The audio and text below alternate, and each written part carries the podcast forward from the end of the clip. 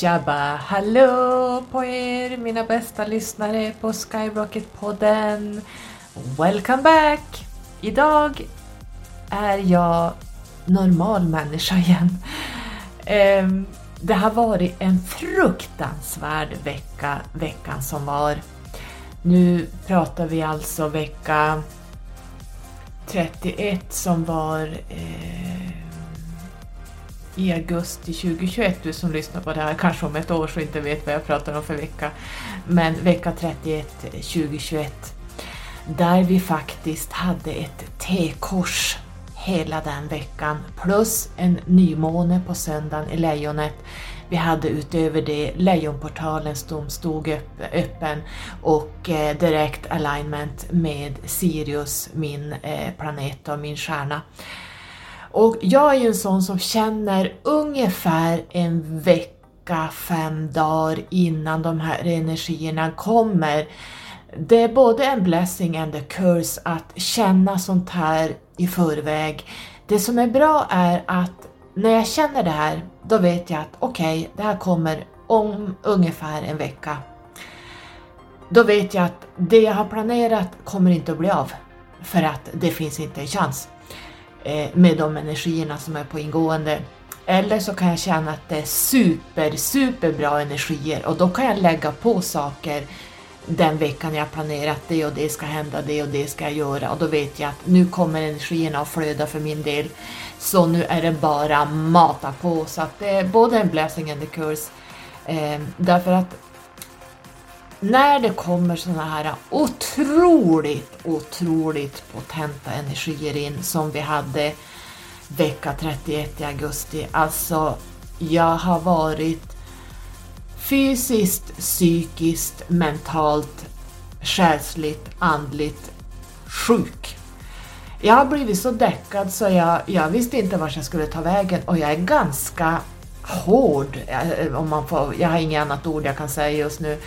Jag är ganska tålig, jag tål det mesta, eh, jag sitter inte som en lipsill för ingenting jag, eh, det andra tycker är jättejobbigt, det bekommer inte mig. Jag bara tittar på folk som att, eh, har du en aning om vad som är jobbigt egentligen?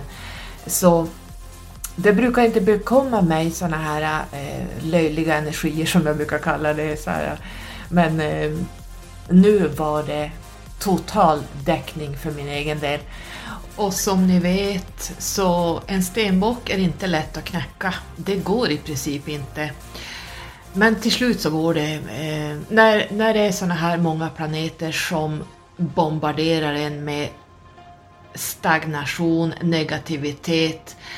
Ja, ni vet alltså, det bara är för jävligt. Alltså, det bara trycker på. Alltså, det går inte att förklara. Till och med en stenbok kan däcka, vilket jag gjorde. Det är inte ofta jag däckar för någonting. Um, men nu så blev det så, så ni som är stenbockar kan nog hålla med att eh, det är inte mycket som eh, slår ner oss från eh, piedestalen. Jag har inte inget annat ord där, inte en piedestal, men ni förstår. Man står ganska stadigt som en stenbock. Det är jordtecken. Det, går, det är svårt att rubba en jord, en, en, ett jordtecken. Det är svårt att slå bort fötterna från där man står som stenbock. Det kan jag nog skriva under på.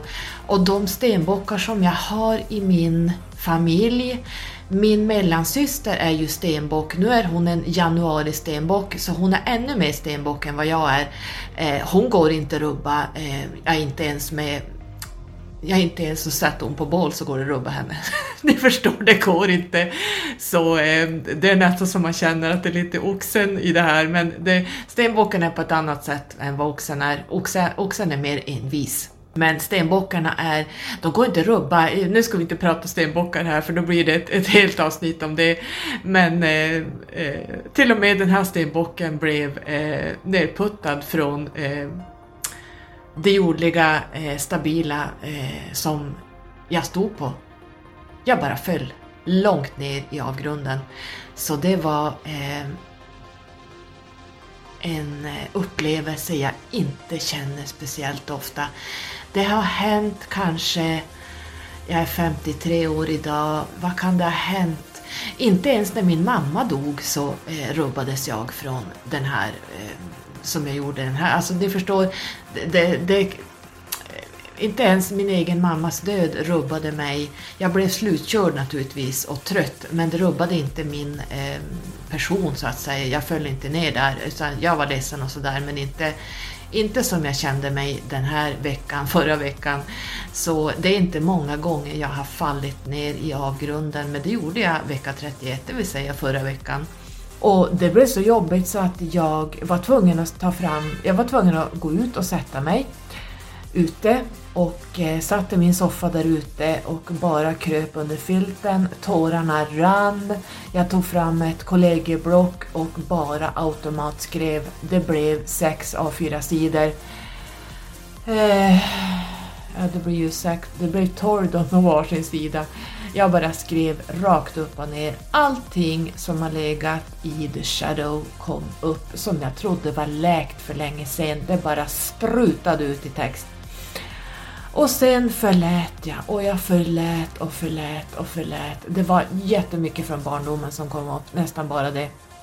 Så att jag var helt chockad över hur energierna, jag vet ju det här, men varje gång det händer, det händer inte så ofta, men när det händer så då blir man så här What the fuck? Alltså ni förstår. Alltså det här, alltså energierna vi får in via vårat solsystem är så potenta så alltså, ingen människa kan ens föreställa er. Ni som, ni som känner det här, ni vet vad jag pratar om.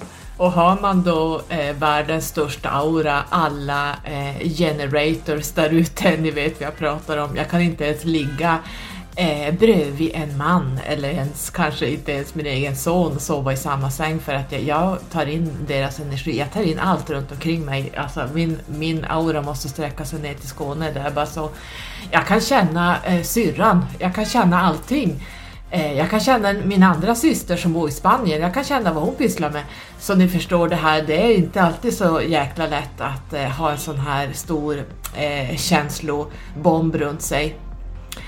Eh, vi hade ju då eh, fem, tror jag, retrograda planeter i förra veckan som då bildar ett T-kors. Och där min pappa då, min styrande planet Saturnus, eh, var ju då en av de styrande här, eh, så jag påverkades ju alla stenbockar där ute. Can you feel it? Ehm, han stod ju då mitt emot solen och Merkurius eh, och det här landade ju då i mitt åttonde hus där saker verkligen ställdes på sin spets. Och så hade vi då nymånen i lejonet som jag då har min ascendent. Jag är ju lejon utåt sett och eh, i mitt åttonde hus även där så det vart ju stora livsfrågor som bara sprutade ut. Så nu under förra veckan har jag helt förändrat mitt liv, vad jag kommer att pyssla med, vad jag kommer att lägga min kraft i. Jättemycket kommer att försvinna för att jag är ju, jag har ju sagt att jag var inne, gått över i mitt sjätte år numerologiska sjätte år, men det är jag inte. Jag förstår inte vad jag har pysslat med. Jag måste ha varit helt mentalt förvirrad. Jag går inte in i mitt sexår förrän i december, så att jag är fortfarande kvar i mitt femte år. Så vi har ju kollektivt ett femår. Och så är jag inne i mitt e egna femår.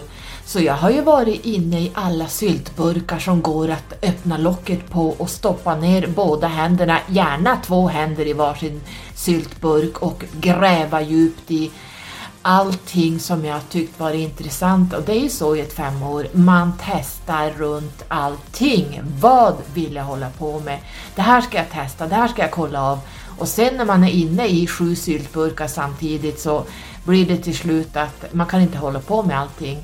Så är det att vara i ett femår. Man är överallt och ingenstans. Man startar upp, man startar upp, man startar upp, man startar upp, man startar upp. Till slut vet man inte eh, var ska jag börja?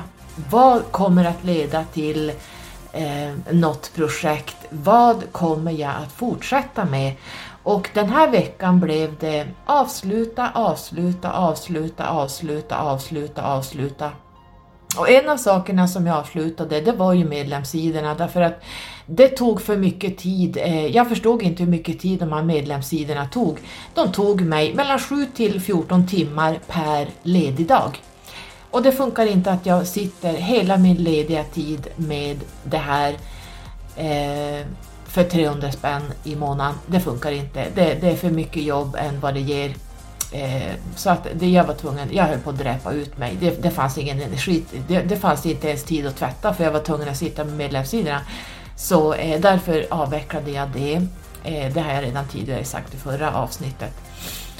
Eh, så där började eh, en syltburk eh, stängas bort och sen en massa andra saker jag har varit inne i.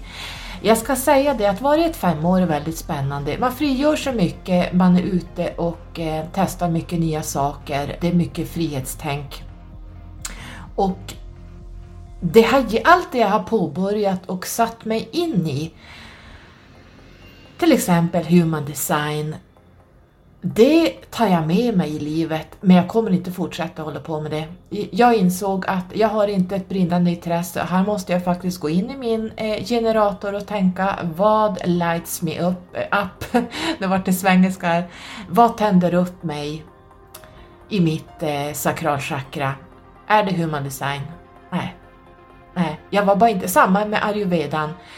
Eh, ayurvedan är kanonbra men bara jag har lärt mig eh, vad jag är, min pitta och att jag är född som vata, då kan jag liksom eh, ta det med mig i livet men det är ingenting jag kommer att hålla på och djupdyka i. Så det jag kommer att fortsätta med det är Numerologin på cellnivå. Vi pratar alltså så, så djupa nivåer eh, att ja, jag kan inte målbeskriva det. Så att det kommer jag hålla på med. Eh, jag kan säga att jag är under utbildning Eh, med det just nu. Så det kommer, hela hemsidan kommer att göras om, det kommer att styras om, det kommer att bli Ja, jag ska inte skvallra vad som kommer att bli, men det kommer att bli en stor eh, nystart för mig här nu. Eh, vi har haft också Siriusportalen öppen från, eh, nu minns jag inte datumen, men eh, jag har skrivit om ett inlägg om det här på min blogg om den här lejonportalen och den här åttans energi och 8-8. Så ni kan läsa där, jag har inte tid att återupprepa mig, men eh, all information finns där. Så idag tänkte jag faktiskt att vi skulle släppa, eller jag ska släppa ett avsnitt jag gjorde för mina medlemmar och det är inspelat för några månader sedan. Jag minns inte exakt när, men det kan ha varit i våras kanske. Ehm, det här avsnittet handlar om reinkarnation. Nu kommer jag klippa det här avsnittet eftersom det här avsnittet är inspelat för mina medlemmar inom stängda dörrar så därför kommer jag klippa viss information som inte får komma ut. Så jag kommer att klippa bort en massa saker som kanske inte ska vara offentlig så att det blir en, en stor redigering där. Ehm, men eh, det handlar i alla fall om reinkarnation, så välkomna in och lyssna! Hej medlemmarna! Hoppas ni har det bra vet ni att jag har haft och har väldigt mycket att stå i så därför eh, har det dragit ut på tiden att prata in mina ljudfiler. Eh, jag funderar om jag fortsättningsvis bara ska prata in saker när andan faller på för annars blir det det här om jag lägger att jag ska hinna med vissa saker och så händer det grejer under tiden och så får jag ångest över att jag inte hinner och det blir bara stress. Så jag tror att eh, jag fortsättningsvis kommer att dyka upp med ljudfiler eh, lite nu och lite då när det passar och inte sätta upp datum eller att det ska ske vissa månader att jag ska göra vissa saker för då blir det det här kraven och stressen och när man väl är där så har man inte tid eh, för saker händer ju i livet hela tiden så att eh, jag tror vi gör så. Men idag tänkte jag att vi skulle prata om reinkarnation. Jag har pratat lite grann om det i, min podd som finns på Acast. Min podd finns bara där under Let's Skyrocket, eller Skyrocket heter den bara förresten. Och jag tror det är num under nummer 26 som det här avsnittet ligger. Då kan ni lyssna igenom tills det kommer mot slutet så pratar jag om själsgrupper, eh, lite grann om reinkarnation om jag inte minns fel, så då får ni lite mer där att lyssna på om ni inte har hört på det avsnittet. Det, jag pratar om relationer och anknytningsproblem i första delen och sen tar jag då eh, eh, lite själsgrupper och sånt i slutet. Men man kan säga att eh, reinkarnation är någonting som man inom Numerologin, det, alltså hela Numerologin baseras på reinkarnation.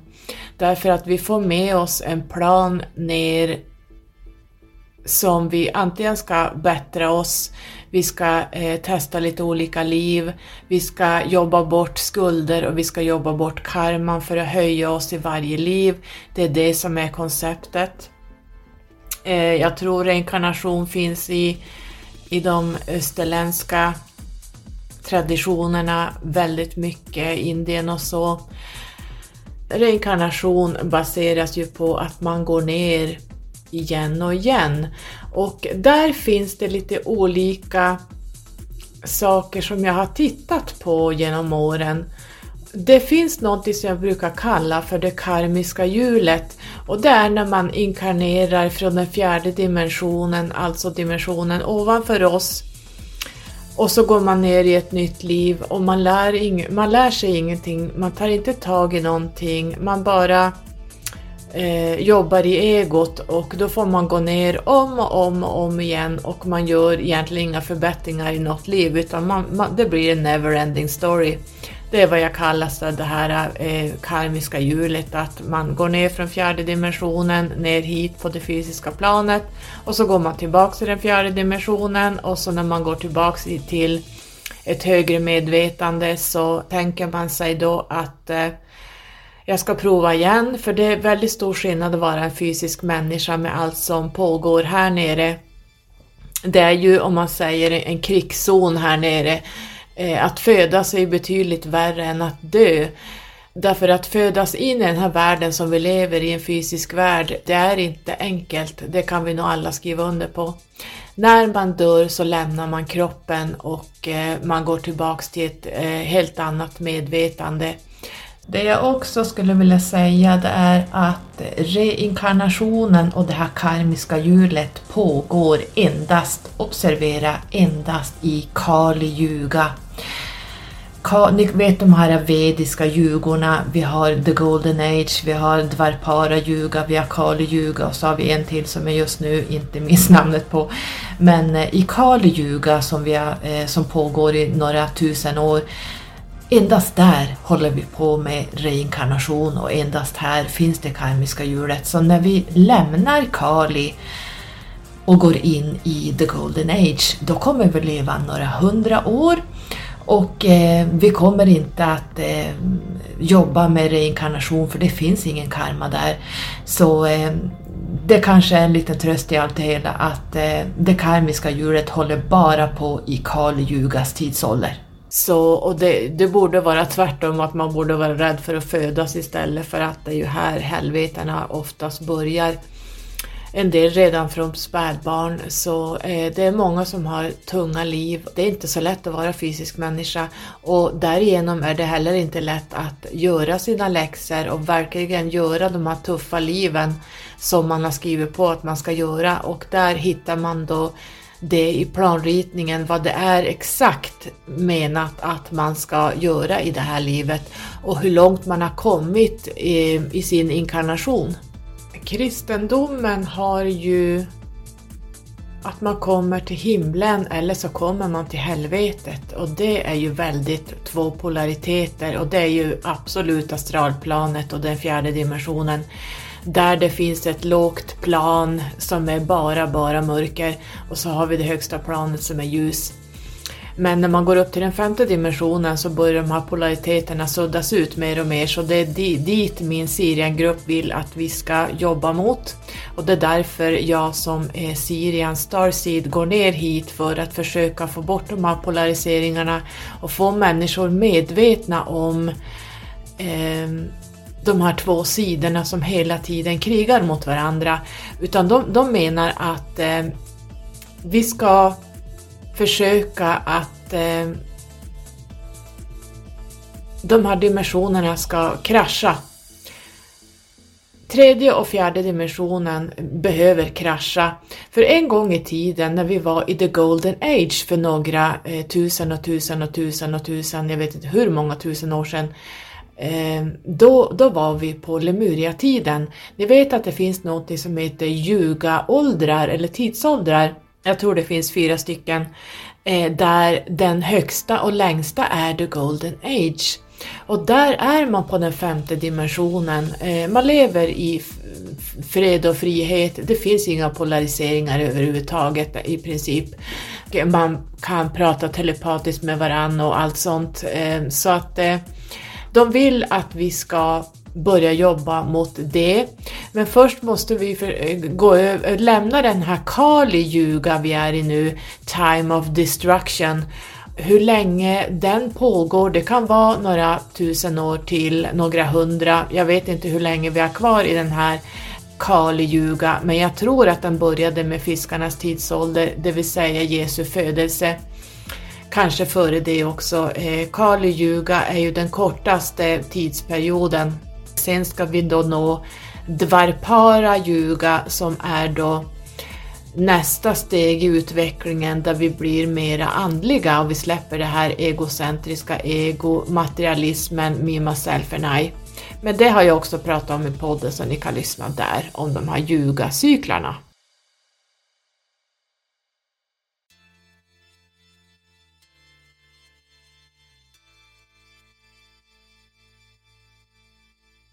Jag har ju jobbat inom akutsjukvård. Jag har jobbat på centralintensiven på Karolinska sjukhuset i tio år och där har jag ju sett det värsta som man överhuvudtaget kan föreställa sig. Jag levde med döden hela tiden. Jag har jobbat på akutmottagningen i 22 år nu. Där har jag också mött eh, döden i princip bara varannan dag i olika versioner av döden. Döden kan vara långsam, döden kan vara snabb, eller döden kan vara eh, jobbig.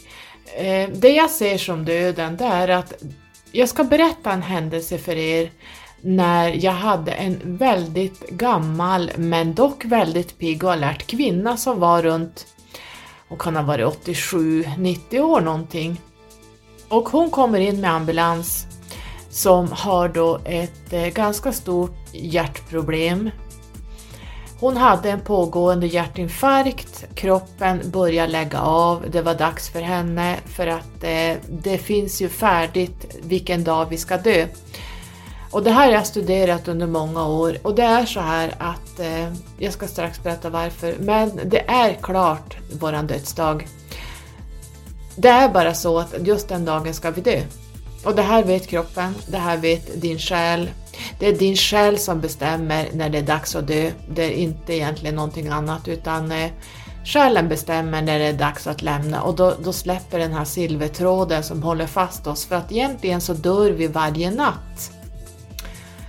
När vi går ut och astralreser Eh, då lämnar vi kroppen varje natt fast vi är inte medvetna om det. Jag vet det, men folk som inte är medvetna om det, de vet inte det. Men eh, själen lämnar kroppen varje natt och går ut i astralplanet. Antingen åker den hem till den dimension den hör hemma, eller så är den bara ute och reser.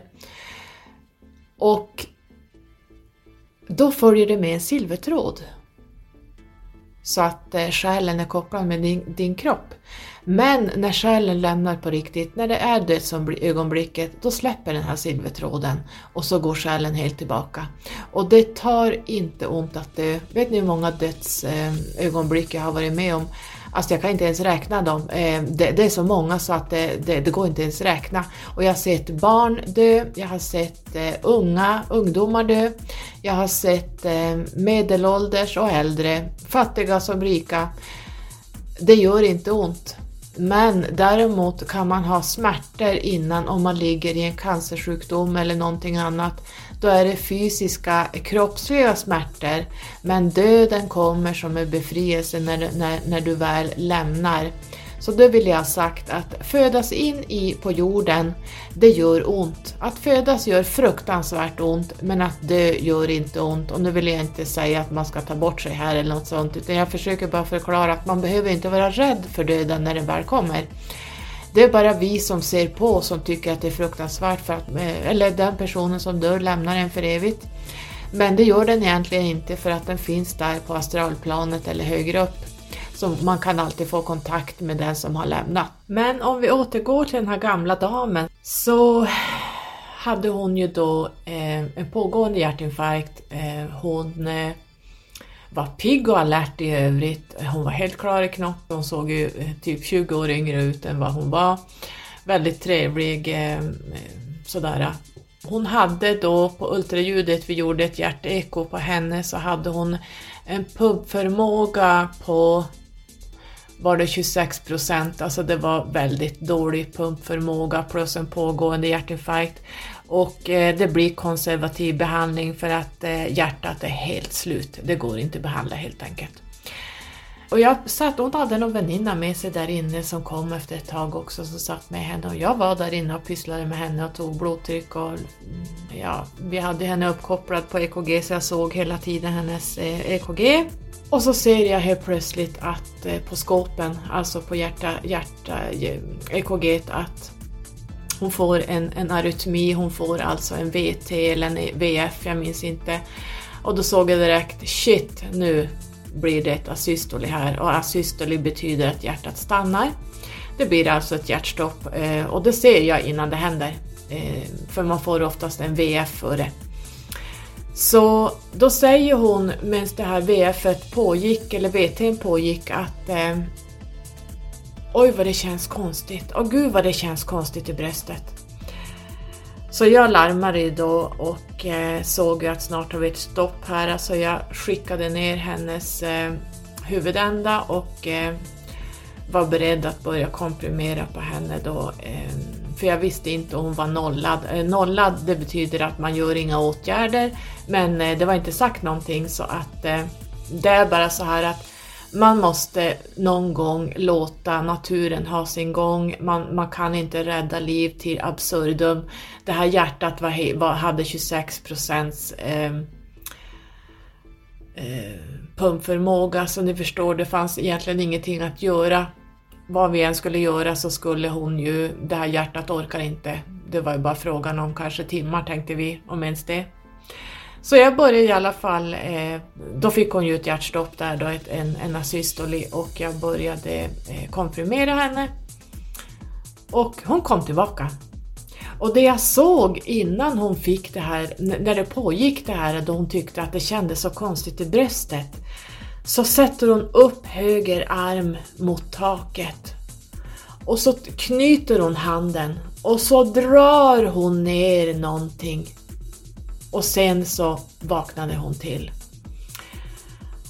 Och läkarna var ju och kikade på henne och sa det att eh, vi ska inte sätta igång henne om det händer igen utan då är det klart så är det klart. Så att det fanns ingenting mer att göra. Och det här var ju inte obehagligt men, men hon var väldigt medveten fast ändå omedveten. Men hon hade inte tiden. Hon hade inte tid att dö. Så eh, hon hade, tror jag, 30 sådana här episoder där hon får hjärtstopp och vi gör ingenting. Hon drar upp armen mot taket strax före varje hjärtstopp och drar ner någonting. Och jag börjar ju titta på det här och, och väldigt analysera Va? och då ser jag ju att hon drar ner själen varje gång. Själen var på väg men hon hade, inte, hon hade inte tid än för hon hade barn i södra Sverige så hon var tvungen att träffa dem. Kom det fram i efterhand. Men hon drog ner själen varje gång. Hon hade inte tid att lämna ännu. Så hon hamnade till slut på IVA där hon fick någon form av behandling i alla fall för de tänkte jäklar vilken krutkärring alltså. Hon överlever ju typ 30 hjärtstopp utan att någon gör det för hon, hon drog igång det av sig själv. Sen hamnade hon på vårdavdelning låg där ganska länge. Eh, till slut så skickade man henne på PCI att man eh, försökte åtgärda den här hjärtinfarkten Men fortfarande hade hon den här dåliga pumpförmågan. Så mm, man satsade ändå på henne eftersom hon, hon var ju vid liv hela tiden. Så att, eh, men sen när barnen väl kom upp och hälsade på henne på avdelningen så dör hon där. Men med barnen vid sin sida, då släppte hon själen. Och då drog hon inte upp armen och drog ner själen igen utan det här var så vackert. Det här, det här är ett minne jag vill bevara och det brukar jag berätta för människor som är rädda för döden att det är man, man dör, själen kan aldrig dö utan eh, man går bara tillbaka till där man kom ifrån, till en annan dimension.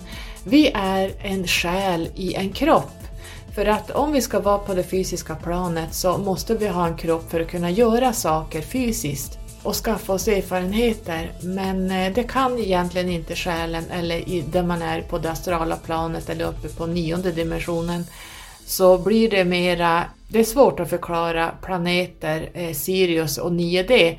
Man måste skilja på en planet och ett sätt att vara och leva. Dimensioner är lite, man kan splittra ut dimensioner som eh, det är inte så att Sirius, Sirians eh, går omkring som ljusvarelser, då är de uppe på 24 dimensionen. Men de har en sån hög vibration så det kan jämföras med den nionde dimensionen, de är i oneness. Eh, det är svårt att förklara det här men eh, jag kan bara säga att det, det ser ut så när jag är där. Men för att återgå till den här gamla vackra damen, och jag brukar tänka på henne ibland, så hade hon ungefär 30 hjärtstopp. Eh, vi åtgärdade aldrig det utan hon drog ner själen själv och startade om. Det har jag aldrig sett tidigare men det var, där fick jag liksom bekräftelse att det, det faktiskt funkar som jag alltid har vetat. Nu fick jag se det live. På IVA eh, hade hon hjärtstopp eh, ungefär tre gånger i timmen under flera dygn och sen låg hon på vårdavdelning en vecka och hade hjärtstopp där hela tiden. Och när jag träffade avdelningstjejerna så säger de Jag frågade om den här tanten levde. Jo då, men hon håller på och drar, hon drar upp armen i taket och så drar hon ner någonting och jag började skratta.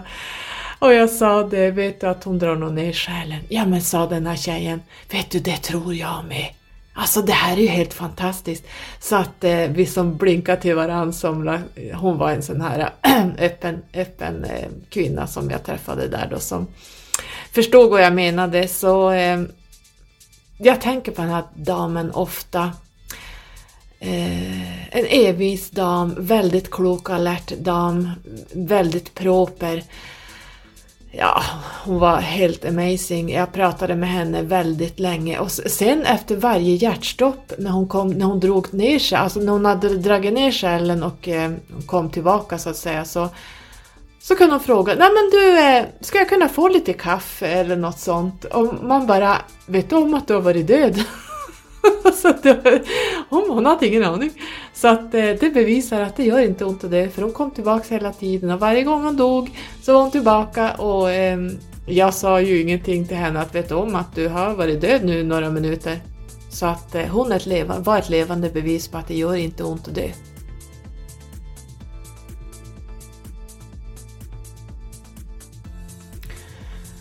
Kan själar visa sig före man dör?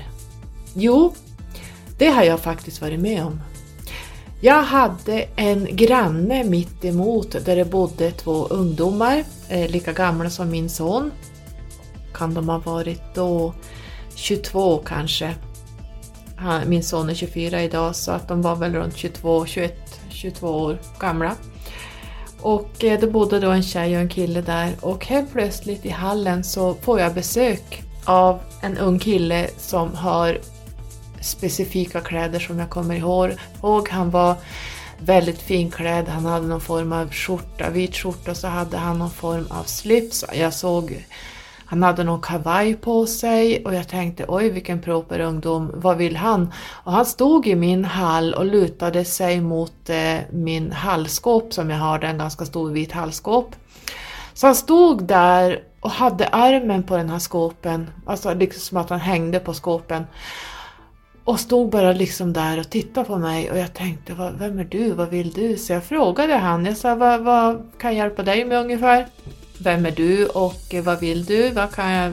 När själar kommer till mig så brukar jag oftast fråga om det är något jag kan hjälpa dem med, men han sa ingenting. Han bara stod där och tittade. Och sen försvann han så jag tänkte, ja det var bara någon som passerade här.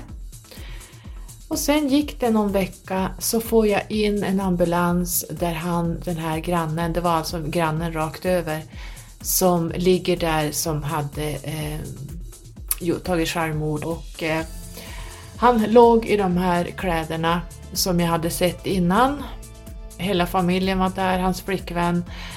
Och det var fruktansvärt, det var fruktansvärt. Det här var ju en kille som min son hade umgåtts med, men jag hade ju aldrig tittat på han så där noga, eh, hur han såg ut och så. Så eh, han visade sig innan han valde att lämna själv. Så den nöten har jag inte knäckt än, hur själen kan visa sig före man har dött. Men någonstans så har själen att, att den kan lämna och visa sig på andra ställen på något sätt. Alltså det här är ju väldigt spännande. Reinkarnation kan, som jag pratat om många gånger i podden, man behöver inte gå ner från den fjärde dimensionen. Man kan gå ner från till exempel andra civilisationer också. Och då är det oftast från civilisationer som tidigare har haft eh, connection med Moder Jord, alltså våran jord, våran planet. Och det är ju de här galaktiska civilisationerna som vi känner till från de här galaktiska krigen. Vega, konstellationen, vi har Sirius, vi har Plejaderna, vi har eh, Feline, vi har Andromeda, vi har Ja, det finns jättemånga olika raser som har en connection med jorden. Då kan det gå ner starseeds direkt ifrån de dimensionerna, de planetära systemen som går ner på jorden för ett uppdrag. Och då har de oftast mästartal. Eh, man har en så hög vibration när man går ner, annars kan man inte vara som fysisk människa här nere. Så jag har kollat av, jag får lite statistik på de starseeds jag själv har väckt upp och som jag hittat och de är mastrar, alltså master teachers 11, 22 eller 33 som är nedstigna från någon annan civilisation.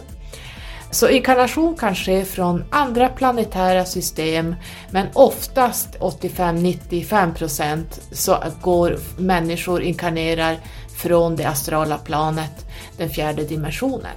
Jag vill bara säga att eh, bara för att man är en master teacher 11, 22 eller 33 så betyder inte det automatiskt att man är en starseed utan starseeds har som jag nu har sett, det jag har fört statistik på, så har eh, starseeds ett mästartal och inte eh, tvärtom då så att bara för att man är mästare så är man starseed så att jag vill ha det sagt.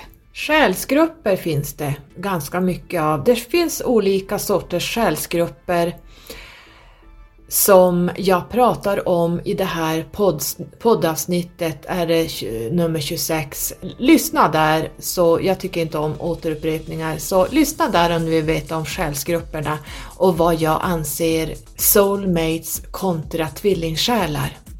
Jag anser ju inte att tvillingsjälen, jag anser inte att, att eh, tvillingsjälen och att eh, själen kan dela sig i två delar. Det är för mig helt omöjligt att själen klyver sig i två och, och, lever i två kroppar någonstans. Eh, vi är inte en halv själ, vi är en hel själ. Så det här med tvillingsjälar vet jag inte vem som har kommit på, men det är ju för mig är det, alltså jag träffar ju jättemycket eh, astralt och när man går förbi det och högre upp så jag ser själar som är hela, det finns inga halva själar någonstans. Och när man är på en högre dimension så kan man även prata med andra som är ute där och eh, de eh, förklarar ju också att det, det går inte att dela själen i två, man är en hel själ. Så att eh, det pratar jag om i det här avsnittet också om man vill lyssna på det.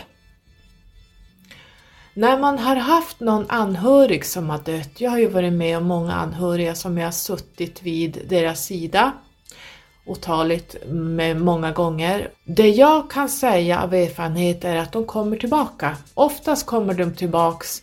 De kan ligga här några veckor, någon månad, kan de ha connection med våran dimension.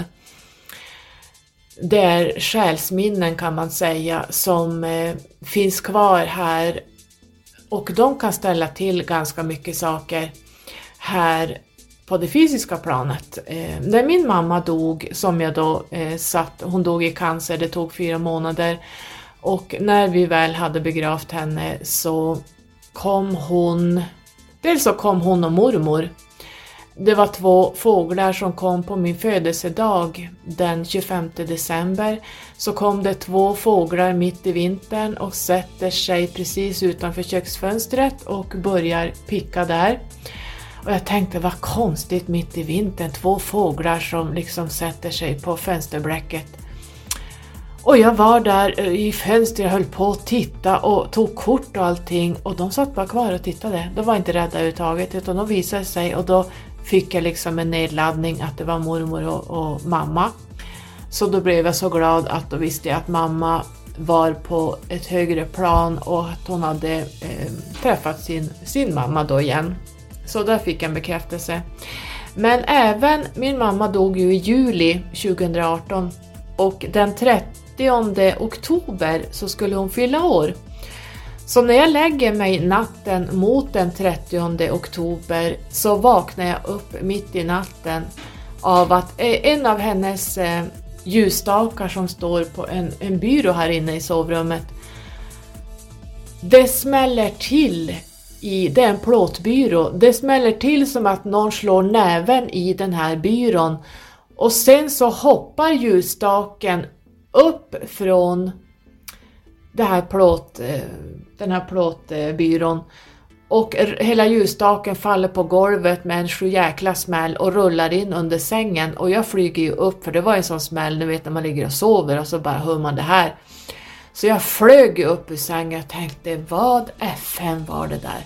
Och då ser jag att ljusstaken, jag hörde när det rullade under eh, sängen och ser att ljusstaken är borta. Så då förstod jag att det var mamma, så sa jag att eh, jag vet att du fyller år imorgon, jag ska komma till dig så eh, hon ville bara visa att hon fyllde år. För hon vet att jag har så mycket runt omkring så att hon tänkte kanske att jag skulle glömma det så då ville hon visa att eh, hon fyller år imorgon. Och en annan gång i november, en månad senare, så händer samma sak. Jag ligger djupt och sover i mitt sovrum. Jag hör en sju smäll i, i vardagsrummet. Och jag har ju sån där ganska stor platt-tv som hänger på väggen och tänkte att nu har den rasat ner på golvet. Och jag fick så ångest, kände bara nej! Alltså hela TVn har rasat. Så jag tar på mig täcket, virar det runt kroppen Går in i vardagsrummet och törs knappt titta och när jag kommer in så ser jag TVn hänger ju på väggen. Och jag tänkte, vad var det som small? Alltså det var som en bomb. Och så vänder jag huvudet mot höger och ser min soffa. Jag har en vit stor soffa som äh, äh, längst ut till höger är det en divan som är ihopskruvad med själva soffan. Och hela den här divanen hade frigjort sig från soffan och står en meter bort från soffan mot höger. Den var helt frisläppt. Och det var det som lät. Och jag tänkte, vad konstigt. Hur fasen kan en, en soffa göra så här av sig själv mitt i natten? Fast man vet ju, men ändå blir det, ja, ni vet hur det är. Och jag brydde mig inte så mycket om det, jag tyckte det var jättekonstigt och min son kom och hjälpte mig dagen på att skruva ihop den här soffan igen och dra ihop den eh, en meter bort och sätta ihop allt. Och sen så gick vi till mamma någon vecka senare, eller en vecka senare, vi skulle bara gå på graven. Och då ser jag att graven är skändad. Och det var det mamma visade mig. För när hon gjorde det här med soffan så skulle hon visa mig att någon har skändat hennes grav. Så att jag kunde lägga ihop två och två där så det var väldigt chockerande att en, en andlig själ faktiskt har kraften att göra det här. Och jag tror att de är så nära det fysiska planet när de har lämnat så att de klarar det. Sen så när den här graven var skändad var jag så besviken, jag var så arg, jag var så frustrerad, jag var så ledsen. Så att jag gick hela den dagen och ältade detta. Jag var så förbannad. Och om det så ska ta mig livstid så ska den här jäveln som har skändat min mammas grav, den ska åka fast. Det är bara så. Jag gick hela dagen, jag var så, jag tror aldrig jag varit så arg i hela mitt liv. Och jag tänkte, man skändar inte de döda. Man vanhedrar inte de döda på det här sättet. Jag var så förbannad. Och sen på kvällen när jag lägger mig så sätter jag telefonen på laddning på golvet och så släckte jag lampan och lägger huvudet på kudden. Så hör jag bara och försöker liksom så här slappna av och sluter ögonen så hör jag det kommer in en så här woo, det kommer in en, en sån här nedladdning eh, om, man, om man skulle vilja säga kanske klärhörande. Jag är ju både klärseende, klärhörande, klärkännande och klärvetande. Men jag är extra klärhörande, det kan jag säga, det är en av mina största egenskaper jag har, att jag hör. Och då kommer det in en manlig röst. Det låter som att de sitter i ett konferensrum. Det är många som pratar i bakgrunden. Men den här mansrösten var precis lika tydlig som du hör mig och han säger ett gatunummer. Någonting, nu kommer inte jag säga vilket gatunummer det är, men bla bla bla, vägen 16. Och så vart det tyst. Och jag flyger ju upp, tänder lampan igen, sliter åt mig telefonen och börjar googla på den adressen jag fick. Bla bla bla, vägen 16. Jo då, den fanns. Så jag tänkte, jag har alltså någon som har berättat var den, de har gjort, alltså den som har skändat mammas grav finns på den här de hade tagit alla hennes saker och allting och förstört på hennes grav så att eh, jag fick adressen till den som hade gjort det. Så jag och min son tar bilen och åker till den här adressen och mycket riktigt på det här, på det här huset på bron så står mammas saker där och eh, det här är också ett bevis på att det finns liv efter döden. Det finns andliga guider, det finns själsgrupper, det finns galaktiska grupper och allt är en livscykel där vi har hjälpare runt omkring oss hela tiden. Bara vi ber om hjälp så får vi hjälp. Jag har jättemycket mer saker, eh, det händer saker här hela tiden jag skulle kunna berätta en hel, ett helt poddavsnitt eh, eller ett helt avsnitt till er, allt som händer här hemma, men det finns inte tid till det. Utan det här var ungefär det jag hade tänkt berätta om rekarnation, att eh, vi dör aldrig, det är, gör inte ont att dö, vi återgår till andra dimensioner beroende på var vi kom ifrån. Har vi höjt oss så kanske vi går tillbaks i en, en ännu högre dimension. Så eh, tack för att ni har lyssnat och tack för att ni är medlemmar. Så syns vi snart igen. Puss och kram, hejdå!